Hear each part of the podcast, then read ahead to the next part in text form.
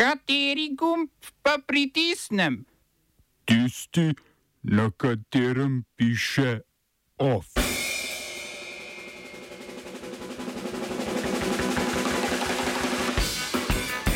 Po gladovni stavki umrl palestinski zapornik v Izraelu.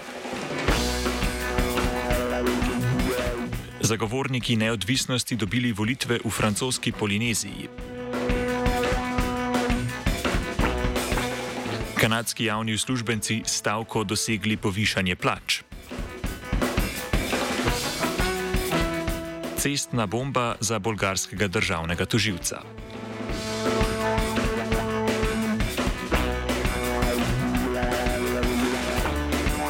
Pozdravljeni. Na parlamentarnih volitvah v francoski Polineziji je slavila stranka Tavini Uiratira, ki se zauzema za neodvisnost francoskega čezmorskega ozemlja v Južnem Pacifiku.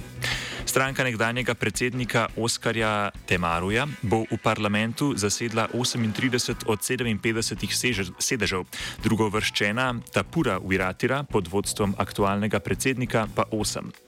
Zmaga separatistične stranke je okrepila več desetletij trajajoče pozive k referendumu o neodvisnosti francoskega čezmorskega ozemlja, za razpis katerega bi zahtevo lahko vložil predsednik, ki ga bo skupščina izvolila še ta mesec.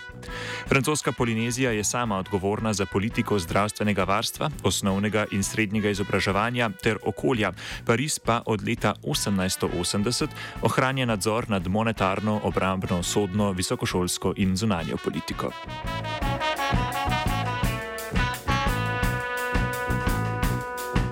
Palestinski zapornik v Izraelu Hader Adnan je po treh mesecih gladovne stavke in po izraelski zavrnitvi njegove premestitve v civilno bolnišnico umrl. Hader je bil propagandist palestinske paravojaške organizacije Islamski džihad. Zaradi delovanja organizaciji, a brez obtožnice, so ga izraelske oblasti večkrat pridržale, prvič leta 1999, na pripore pa se je od pridržanja leta 2004 odzival z gladovnimi stavkami. Od takrat je gladovno stavko petkrat. Izraelske oblasti so Haderja zapirale v okviru tako imenovanega administrativnega pripora, pri katerem lahko osebo držijo v priporu brez obtožnice ali sojanja, zaradi česar so Haderjevo zapiranje med drugimi obsodili pri Amnesty International in Human Rights Watch. Islamski džihad je po Haderjevi smrti pozval k splošni stavki v Gazi in na Zahodnem bregu.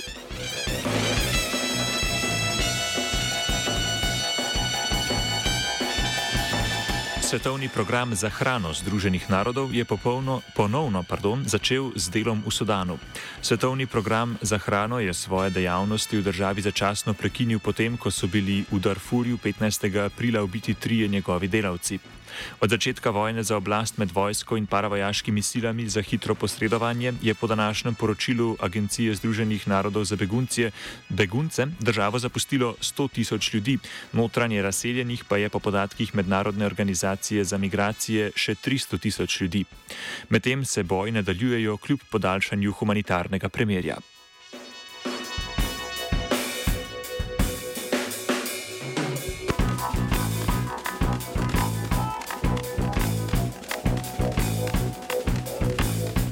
Poslanska, poslanka švedskih demokratov Elsa Widing je po udeležbi na konferenci teoretikov za rod odstopila.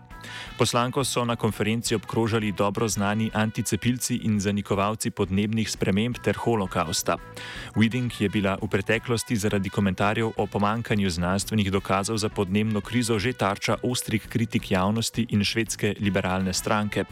Tudi tokrat se je na njo spravila liberalna stranka in njen minister za izobraževanje je Mats Persson. Kot je pojasnila Widing, je odstopila zaradi tega, ker stranka, ki ji pripada, ni stopila na njeno stran in je zaščitila pred blatenjem. Zaradi poslankinega odstopa imajo štiri stranke, ki so podpisale koalicijsko pogodbo zdaj v parlamentu 174 sedežev, večino ohranjajo torej za en sedež. Švedski demokrati v vladni koaliciji, ki jo sestavljajo zmerna stranka, liberalci in krščanski demokrati, zagotavljajo potrebno večino. Po septembrskih volitvah je premjerski stolček zauzel Ulf Kristersson iz zmerne stranke, kljub temu, da je desničarska stranka švedskih demokratov osvojila več sedežev.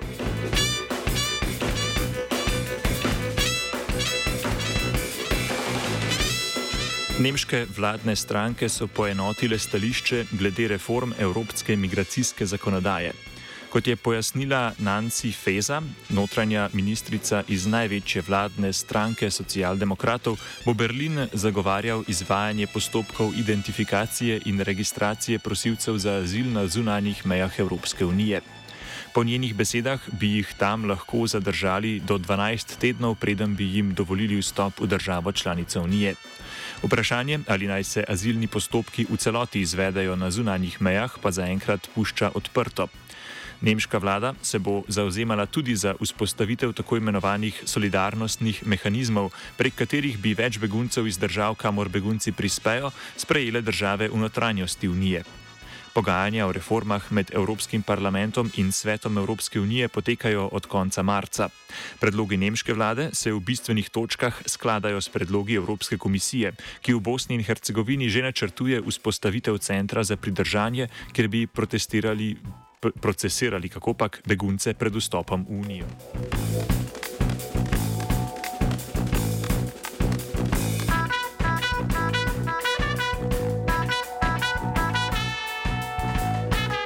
Bolgarski državni tožilec Ivan Gešev se je na cesti izognil bombi, ki naj bi bila tam z namenom, da ga ubije. Napadalci naj bi bombo namestili na cestni ovinek, kjer promet poteka počasneje, in jo sprožili točno v trenutku, ko se je z ženo in otroki mimo peljal Gešev. V eksploziji ni bil poškodovan nihče, bomba pa je bila po besedah Borisa Sarafova, vodje nacionalne preiskovalne službe, ročno izdelana in digitalno nadzorovana. Bolgarski začasni premijer Galab Donev je takoj po incidentu sklical sestanek Komisije za nacionalno varnost. A kritiki sumijo, da je bila eksplozija v resnici PR-ovski trik Geševa, namenjen spodkopavanju zakonodajnega prizadevanja za pravosodno reformo, ki bi olajšala njegovo odstranitev.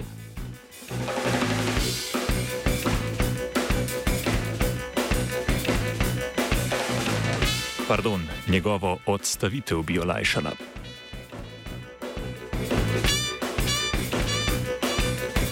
Na nizozemskem, v Italiji in Španiji so na praznik dela, sicer manj nasilno kot v Franciji, potekale množične demonstracije, na katerih so protestniki zahtevali dvig plač v skladu z inflacijo. Španski sindikati so v primeru neizpolnitve delavskih zahtev za jesen napovedali večdnevne stavke.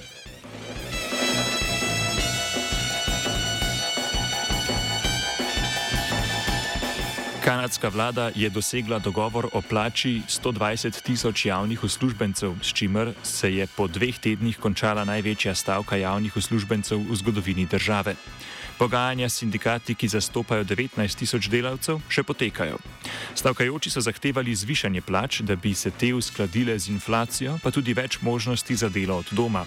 Iz sindikata Zavezništvo javnih uslužbencev Kanade so sporočili, da jim je uspelo izpogajati 12,5 odstotno zvišanje plač, skupaj z enkratnim plačilom v vrednosti skoraj 1700 evrov. Dela nadaljavo jim ni uspelo vključiti v kolektivno pogodbo.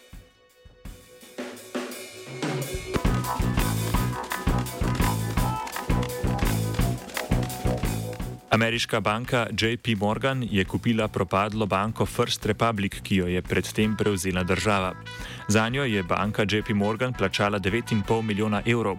Izgube, ki jih bo moral pokriti ameriški zvezdni sklad za zavarovanje depozitov, so s prevzemom omejili na nekaj manj kot 12 milijard evrov, ostalo pa bo prevzela banka JP Morgan.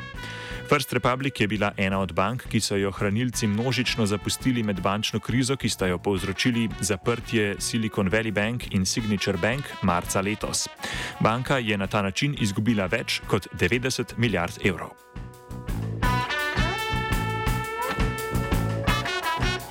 OF je pripravil vajenec Matej, mentorirala je Lara.